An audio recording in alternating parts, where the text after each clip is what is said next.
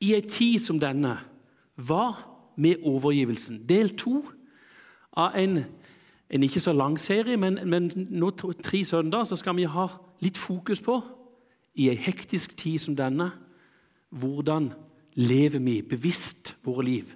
Og i dag fokus på overgivelse. Dere, vi har eh, Yngste sønnen vår, Håvard, han er denne vinteren i militæret. Eh, vi brukte sommerhalvåret på å snakke en del om ferdig skolegang på KVS. Og så i militæret. Vi skulle sende han helt til Kirkenes.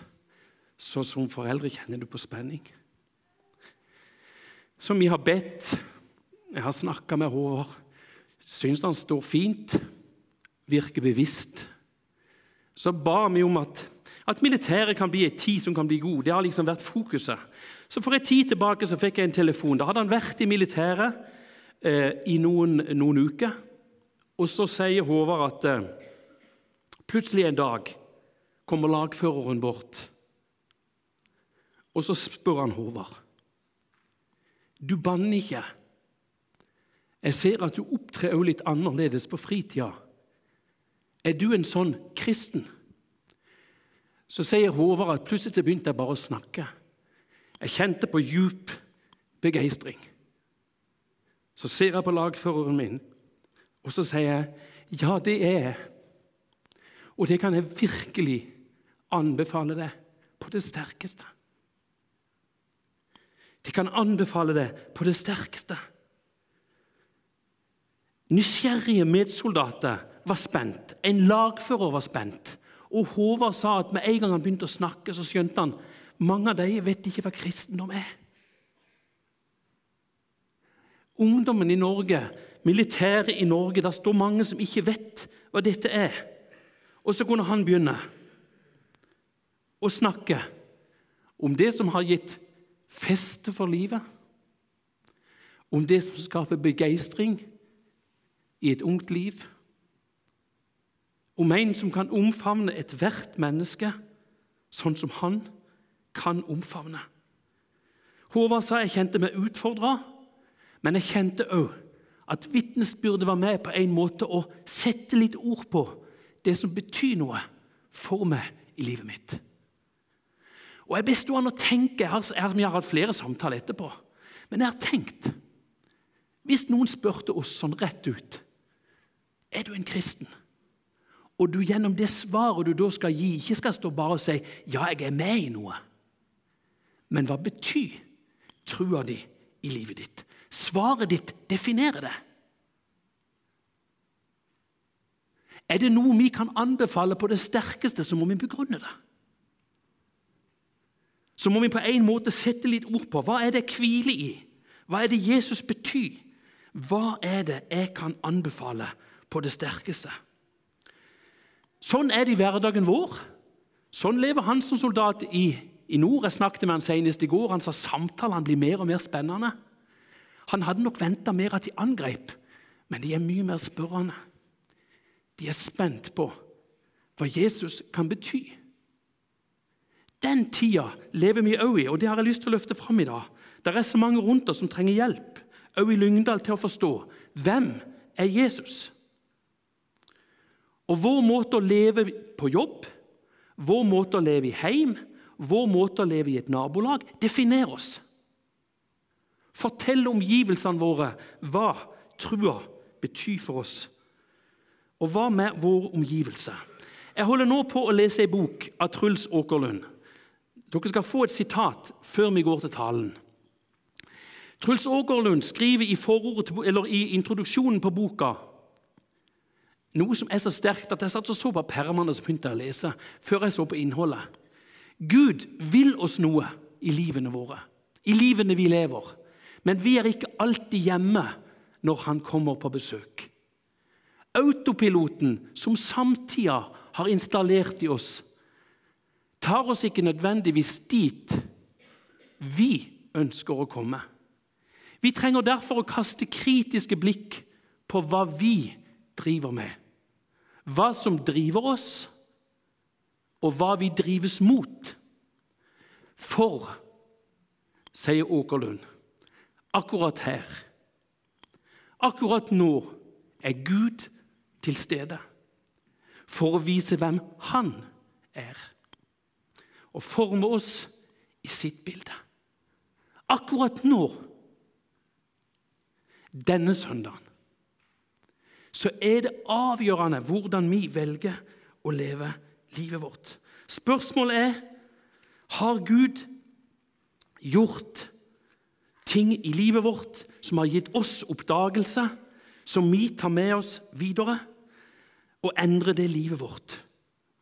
Hvordan møter vi Jesus sånn i hverdagen? Og hvordan møter vi Jesus i Bibelen? Hvordan presenterer han seg for oss?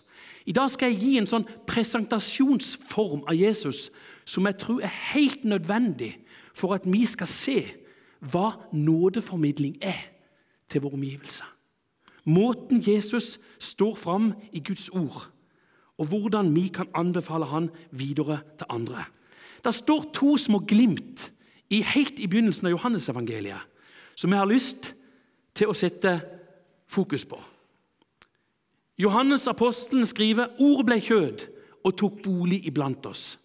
Og vi så hans herlighet, en herlighet som den enebårne sønn har fra sin far, full av nåde og sannhet. Jesus var full av nåde og sannhet. Døperen Johannes, forløperen til Jesus, han som hadde en kort tjeneste for å liksom sette fokus på Jesus, han sier dette. For loven ble gitt ved Moses. Nåden og sannheten kom ved Jesus Kristus. Altså, dere, det er to sentrale sider ved Jesu tjeneste og person. Han som steg ned til oss for å redde denne verden, for å gi oss et frelsestilbud. Han møter hvert enkelt menneske med nåde, balansert på sannhet. De står helt sammen når Gud skal sette et menneske fri. Og Dette fylte Jesu sinn, Jesu væremåte, og hvordan han sto fram med folket. Det holdes veldig sammen, og det er det jeg kjenner så på at Gud har lagt på hjertet mitt, som jeg skal legge fram i dag. Veldig mange som Jesus forkynte til, misforsto Jesus.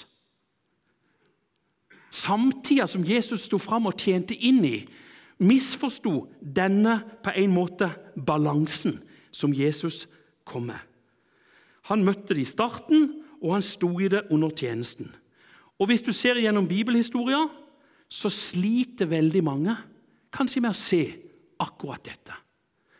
De som vil angripe Bibelen med liberal tenkning, de ser bare den ene sida og vektlegger den ekstremt. Men Bibelen står fram balansert på nåde og sannhet. Skal vi mennesker bli virkelig fri i møte med Jesus, så er dette noe som vi trenger å se og ta til hjertet. Så skal jeg gjøre noe litt interessant nå. For jeg, skal, jeg, skal, jeg, har, jeg, har, vært inne på denne teksten før her i kirka, men jeg har aldri gjort det jeg gjør akkurat nå. Nå har jeg lyst til å si Du kan gå hjem og lese i ettermiddag lignelsen i Lukas 15, 11-32. Lignelsen om den sønnen som gikk seg bort, han som var hjemme, og far. Men jeg skal med egne ord prøve å se i den historien som balanserer akkurat noe av det som fulgte Jesus hele veien. For dere, Dette er ikke ei levd historie. Dette er et bilde der Jesus har en pressa situasjon.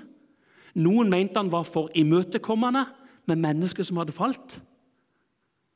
Og Fariseerne sto i ei egen blindgate og levde fremdeles blindt i loven og så ikke at han som sto fram med nåde og sannhet, var rett foran dem.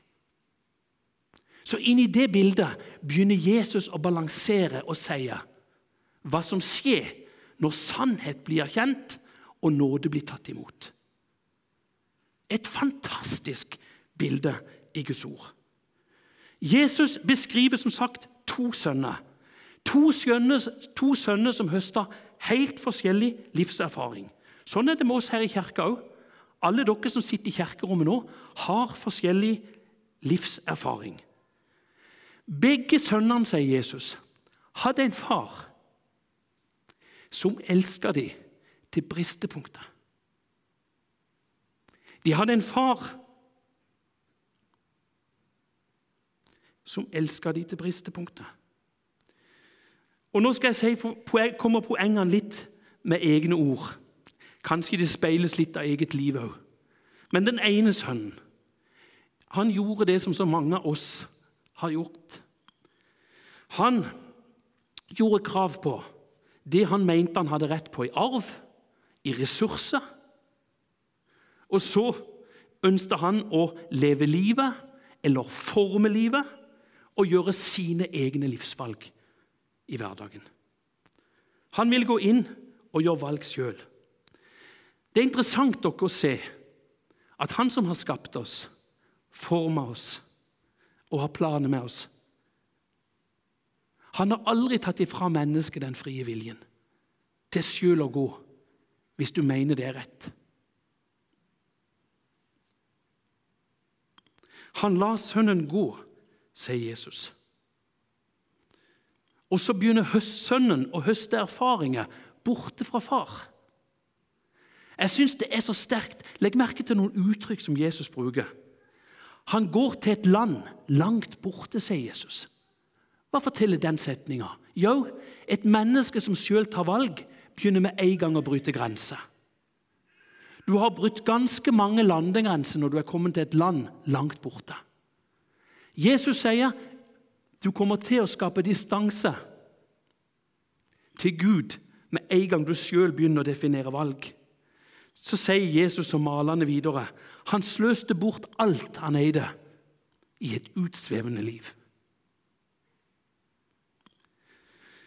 Han satte alt over styr, sier Jesus. Dette har jeg erfart, og kanskje du sitter her i formiddag som kjenner mine valg har ført til at jeg har satt alt over styr. Så sier Jesus et menneske som på en måte har denne vandringa, har noe i seg som lengter, som søker. Jeg syns det er så fint at Jesus viser det. Mens han er i ferd med på en måte å nå et nullpunkt i landet langt borte, så kommer han til seg sjøl. Vi brukte kanskje ordet enda mer før. Han begynte å kjenne Guds kall. Han begynte å kjenne hjemlengsel. Han begynte, å kjenne, han begynte å kjenne dette gir meg ikke noe. Så begynner tankene å gå hjem. Så begynner han å erkjenne sin situasjon, og så begynner det å formes en bekjennelse. Og dette sier Jesus. Du som sitter her i formiddag, som sitter i sjelesorg, se hvordan Jesus er opptatt med det som skjer i hjertet når vi skal løse et menneske. Jesus sier at en som begynner å bli kalt, han begynner å tenke på hvordan skal jeg møte Gud. Og Så begynner han å si jeg har synda mot himmelen og mot deg'. Det satt han i bildet, i bildet her i en grisebinge og tenkte på. Jeg satt på bare i Mandal og tenkte det samme.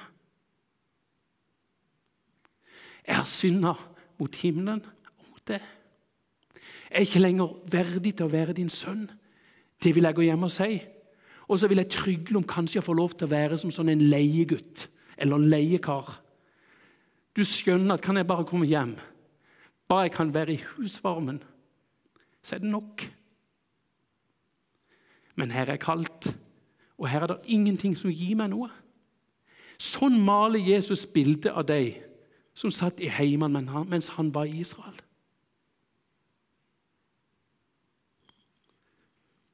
Og så er det interessant dere, et menneske som sånn begynner å nærme seg Gud, forventer egentlig ingenting. Han begynner å gå, og så håper han bare at Gud vil møte han med barmhjertighet. Han går og tar en sjanse. Og hva er det da som skjer? Dette er et fantastisk bilde av Jesus. Det er millioner mennesker i himmelen i dag som gjennom dette så seg frelst. For Jesus viser når sønnen begynner å gå Med en gang han kommer, sånn at han kan se der Gud er, så begynner Gud å løpe. Et menneske kommer vaklende hjemover og tenker på å forberede seg til et møte. Far, han løper. Han er fylt med en inderlig medynk, sier Jesus. Og med en gang dette skjer, så er det to som smelter sammen. Og I den bibeloversettelsen som jeg bruker akkurat nå, så står det så fint Jeg skal lese det litt senere. At faren løper han i møte, faller han om halsen og kysser han igjen og igjen og igjen. Gud har vært på bristepunktet. Men det var en som begynte å erkjenne noe, som kom hjem og som hadde behov for å si noe. Han blir møtt med omfavnelse. Og så sier far, så begynner sønnen å si, 'Jeg har synda mot himmelen og mot deg.' Mens han står der og på en måte får sagt bare faktisk halvdelen av det han hadde tenkt, for mottagelsen er så sterk, så begynner far å ta av det ureine. Det skitne, det du har sølt deg til med, begynner far å ta av mens du står der så gis det beskjeder. Ta på han ei ren kledning. Bilde på frelsen. Gi han sko på føttene, bilde på kraft. Gi han ei ring på hånda si, bilde på Den hellige ånd. Gud tar fullstendig over i en sånn situasjon. Så står det en far og lytter på sin sønn og kler han opp så står det noe fantastisk fint om far. Far står og jubler. Ikke ett bebreidende ord, men han sier så sterkt Denne sønnen min var død, men er funnet. Han var tapt, men er funnet. Han var død og er blitt levende. Jeg syns det er så sterke uttrykk. Egentlig dekker det alt som Gud opplever når et barn kommer hjem. Du var tapt, sett på som død, men kom hjem og blitt levende. I det bildet, der Jesus maler dette på denne måten, så er det en enorm kontrast. Og jeg tenker Det må ha vært underlig å være fariseer, men de, de så det med som ikke. Men jeg tenker for oss som er kristne, som har levd lenge som kristne, Prøv å merke dere hva som skjer hvis du har fått sånn hjemmeværende ånd i livet ditt. Det er en som står og ser på dette gripende som skjer. En bror kommer hjem. Han snakker ikke om en bror, snakker om en sønn til far. Han er oppriktig oppgitt over at far kan møte et menneske som har falt så djupt. Han distanserer seg helt i forhold til det som skjer. Og så tenker han jeg gjør det jeg kan i mitt liv, og så står jeg her, og så gjør Gud dette. Hva gjør far? Jeg sa innledningsvis han elsker begge til bristepunktet. Far er like øm. For han som har gått i nærheten av hans rike, som ikke er kommet inn. Far ser på han og sier, 'Alt mitt er ditt'. Alt mitt er ditt. Kom inn. Kom inn. Du må ikke stå ved Guds rike, men ikke gå inn i det. Du må ikke leve i en forsamling, men ikke være hos meg. Jesus er så nær når han gir akkurat dette bildet. Kom inn, kom nær. Og Jeg har lyst til å spørre hver enkelt av dere jeg spør meg selv, hvem av de to sønnene kan jeg definere med meg? Hvem av disse to sønnene kan jeg definere med meg, kjenner meg igjen i? Er jeg kommet hjem? Er du kommet hjem? Har du vært i fars armer? Er det lenge siden? Er det lenge siden han fikk ta av deg noe som hadde begynt å skitne deg til? Gud ønsker oss i sine armer.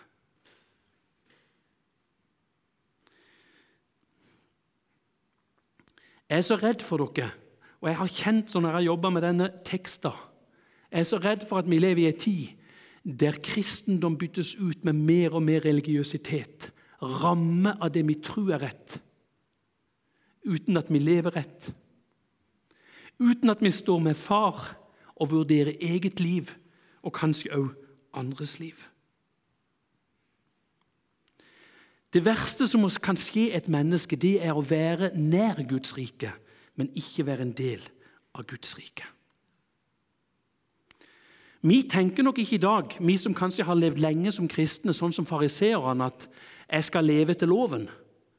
Men veldig mange kristne tenker at jeg gjør så godt jeg kan. Og det er forholdet. Og hvis du går med den holdninga i møte med Han som er sannhet, så blir du deg sjøl nok. Og så ser du verken ikke det far sier til deg, eller det som skjer rundt deg. Gud lengter etter at vi skal erfare det som står i dette verset, som jeg kaller kjerneverset i Lukas 15.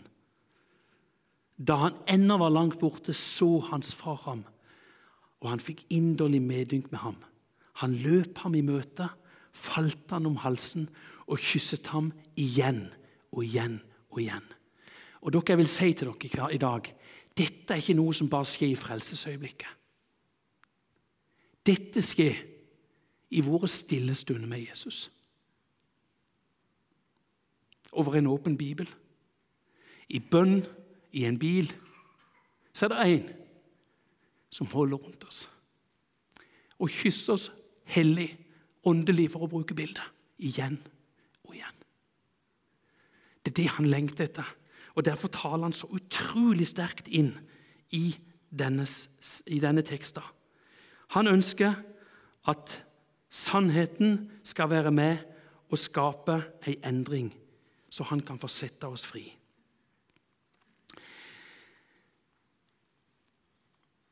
Vi skal se på to, små, eh, to episoder som vi ofte deler i kirka her. Det er ikke lenge siden de faktisk er blitt delt. Men jeg har lyst til bare å ta med noen av detaljene som egentlig også forklarer litt av det jeg står og forkynner nå. Eh, I Lukas 19 så har vi ofte snakka om at Jesus møtte, møtte overtolleren Sakkeus. Og Der står noen sånne fine, små detaljer som Jesus har ville hatt med i Bibelen. Overtolleren vet vi han levde på utpressing. Han prøvde å sikre seg på best mulig måte. Det har vi snakka en del om. Men det står noe litt sterkt om Sakkeus. At på tollboden begynte det å skje en endring. Han hadde hørt om en som møtte alle som hadde trådt feil. Sakkeus han søkte å se hvem Jesus er, hvem Jesus var. Jeg syns den setninga er så sterk. Han begynte på en måte å lengte, og så hadde han sitt handikap. Han var kort av vekst. Men jeg henta det bildet for å beskrive han akkurat sånn som jeg ønsker i dag. Vi ser han ikke på ei grein. Men vi ser en som er bonden i livet sitt, og som hører om en som kan løse bundne mennesker. En som kan sette fri. Og så begynner Sakkeus. Og så løper han og så finner han seg et plass og tenker han, her kommer Jesus til å gå forbi. Og plutselig så senker varmen seg i situasjonen. Plutselig står Jesus og ser opp der han sitter. Og så sier Jesus noe fantastisk. Sakkeus, skynd deg.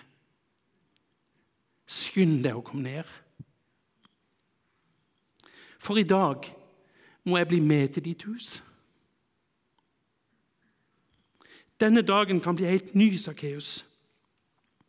Selve sjelesorgsamtalen Jesus hadde med Sakkeus, har ikke Jesus satt på trykk. Men det behøver vi egentlig ikke. Jeg forstår hvorfor han ikke alltid tok med samtalene han hadde. For Jesus ønsket at vi skulle se endringer det førte til. For han som hadde tatt rikelig i lang tid, mer enn det han hadde rett på Han møtte en som steg inn til han med en endring så stor at endringa begynte plutselig å endre hele måten Sakkeus tenkte på.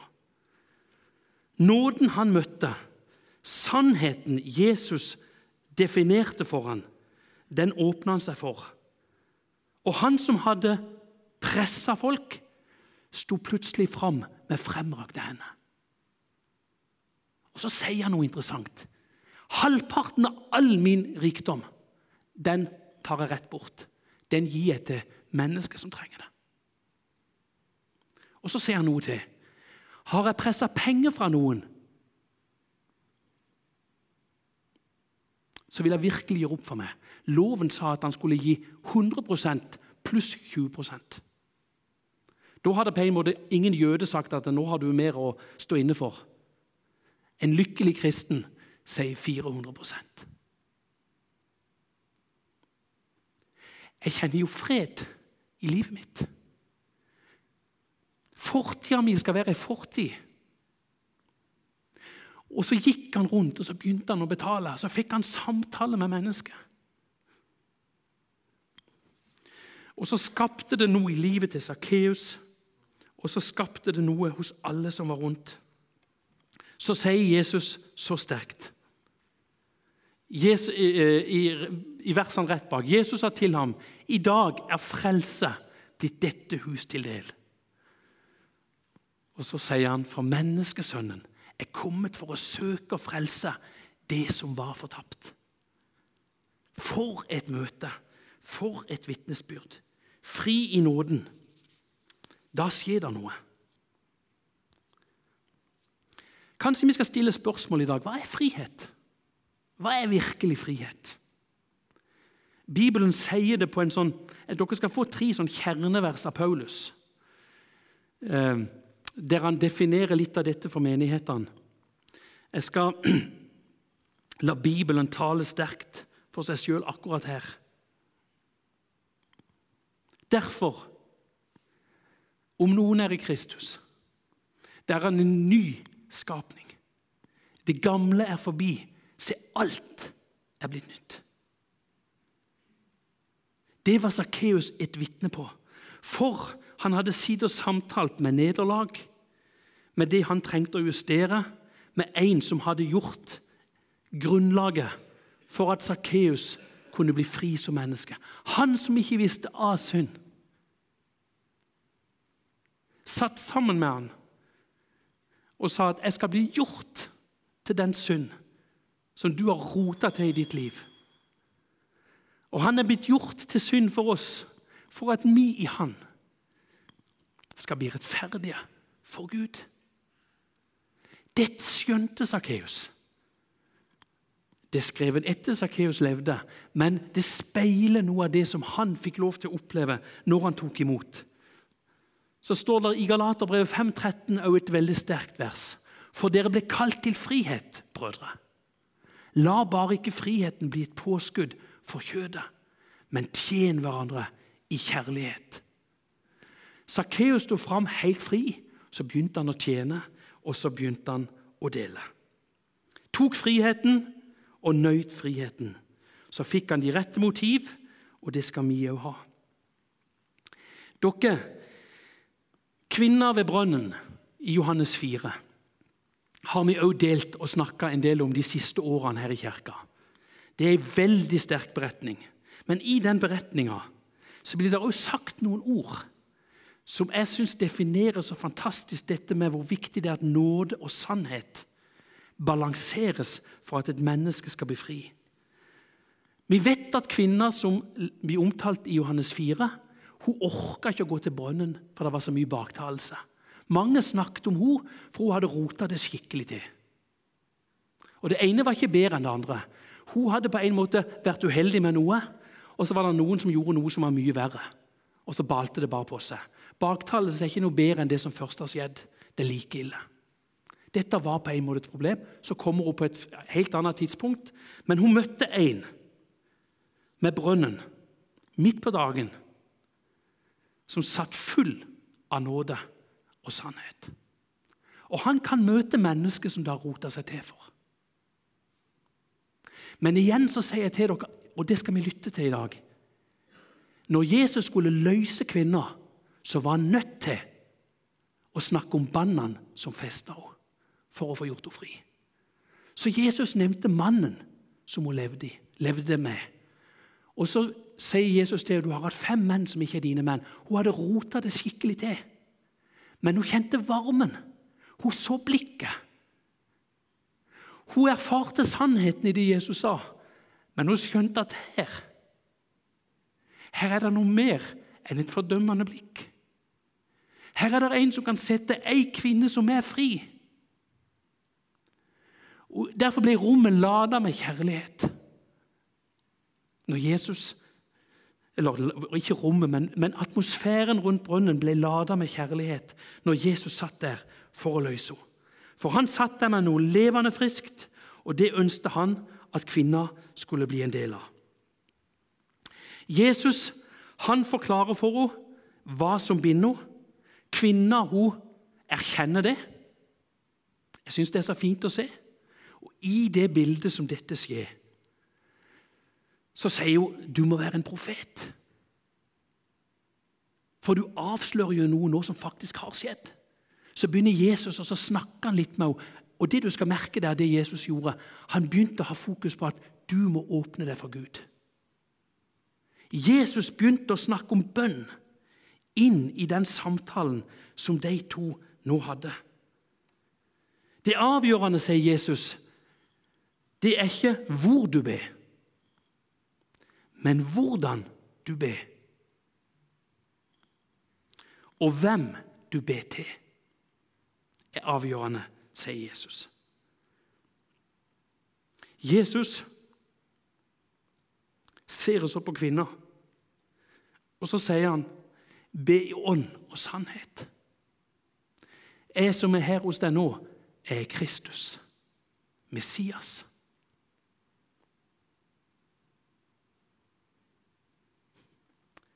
Og så får hun lov til å legge seg over i Jesu armer.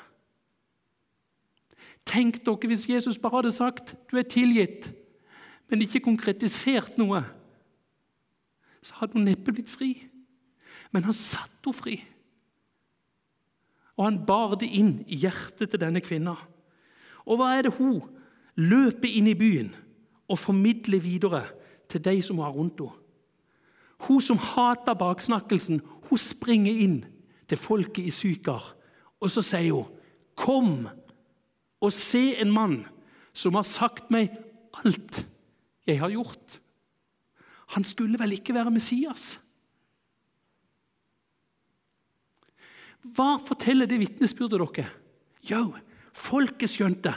Hun er jo totalt forandra. Hun har virkelig fått en ny start. Hun har virkelig fått gnisten tilbake. Lykkelig sprang hun inn, og så begynte hun å skape bevegelse i byen. Og så begynte folket å springe imot Jesus sjøl. De trengte å se det denne kvinna hadde erfart. Og Jesus begynte å virke i syker, og mange ble, mange ble, ble kristne. Jeg leste noe interessant om Edin Løvaas en gang, den gamle forkynneren i Misjonsforbundet. Han hadde holdt en tale. og så Etterpå han hadde talt, så kom det fram, han, han beskrev henne selv som ei lynende intelligent ung kvinne. Og så angrep hun litt det han hadde sagt.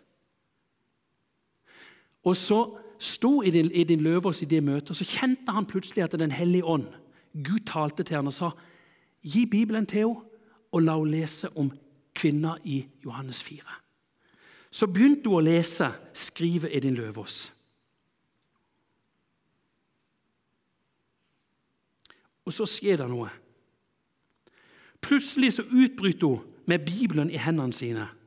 Dette er det rareste, det underligste, det merkeligste øyeblikk jeg har opplevd i mitt liv. Så blir det helt stille. så ser hun på Edin Løvaas, og så sier hun Jeg står her og tror at Jesus var Guds sønn. Ingen flere spørsmål. Han løste den kvinna. Så fikk han løse ei til, og hun sto og la seg frelst i Johannes 4. Et fantastisk beretning om hvem Jesus er.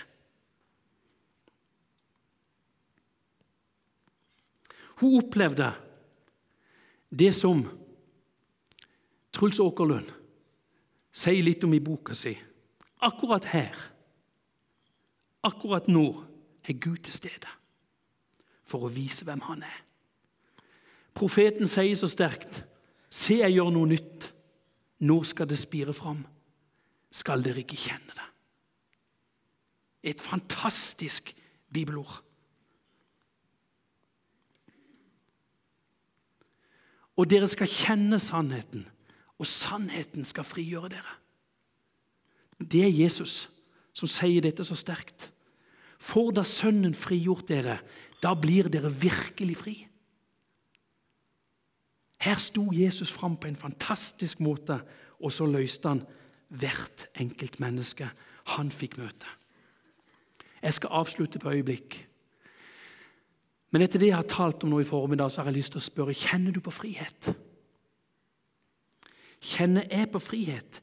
Er vi overgitt til Guds ledelse med livene våre? Og for å vinkle det litt som Åkerlund sier, er vi hjemme når Gud er på besøk? Er livet vårt hos far, eller beveger vi oss nær far? Det er spørsmål vi som kristne har godt av å stille oss.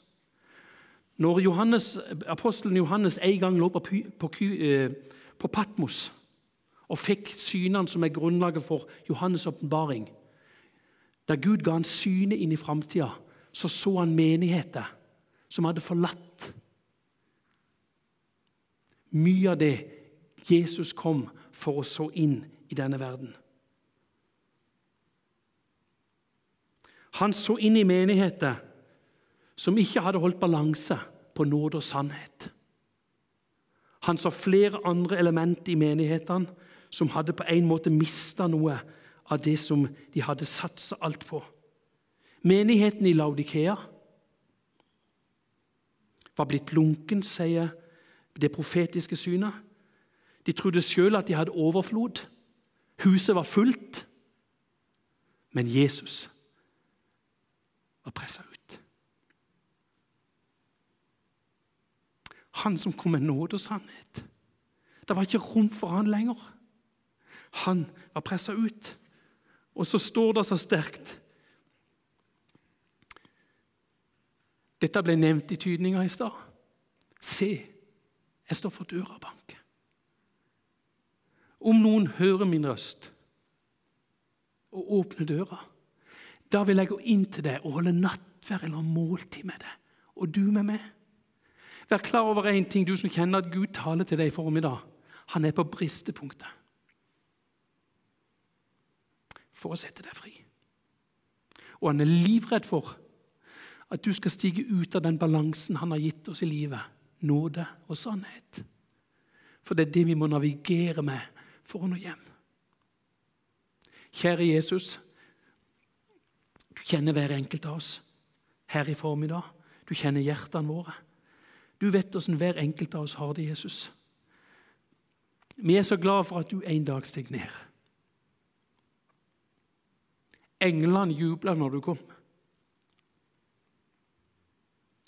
De visste at nå er denne verden for denne verden nye muligheter. De jubler for frelsen du skulle komme med. Og så Jesus. Så står de fram den ene til den andre og blir minnet om av Gud og introduserer den når du kommer. Du skal stå fram med sannhet, med nåde, gi frelse og framtid. Herre, må du hjelpe oss som er her, som vi gjør som en overtaler, og sier, 'Jesus, du vet alt'. Som vi kan sitte med en brønn som er kvinne ved mange nederlag, og sier 'Jesus, jeg har rota det til'. Ja, men i sammen skal vi gå videre. Du kan legge det av hos meg. Og så er det mange Jesus som kjenner på forskjellige ting. Men du står her med fremrakte hender. Du løper oss i møte. Vil så gjerne falle oss om halsen og kysse oss igjen og igjen og igjen.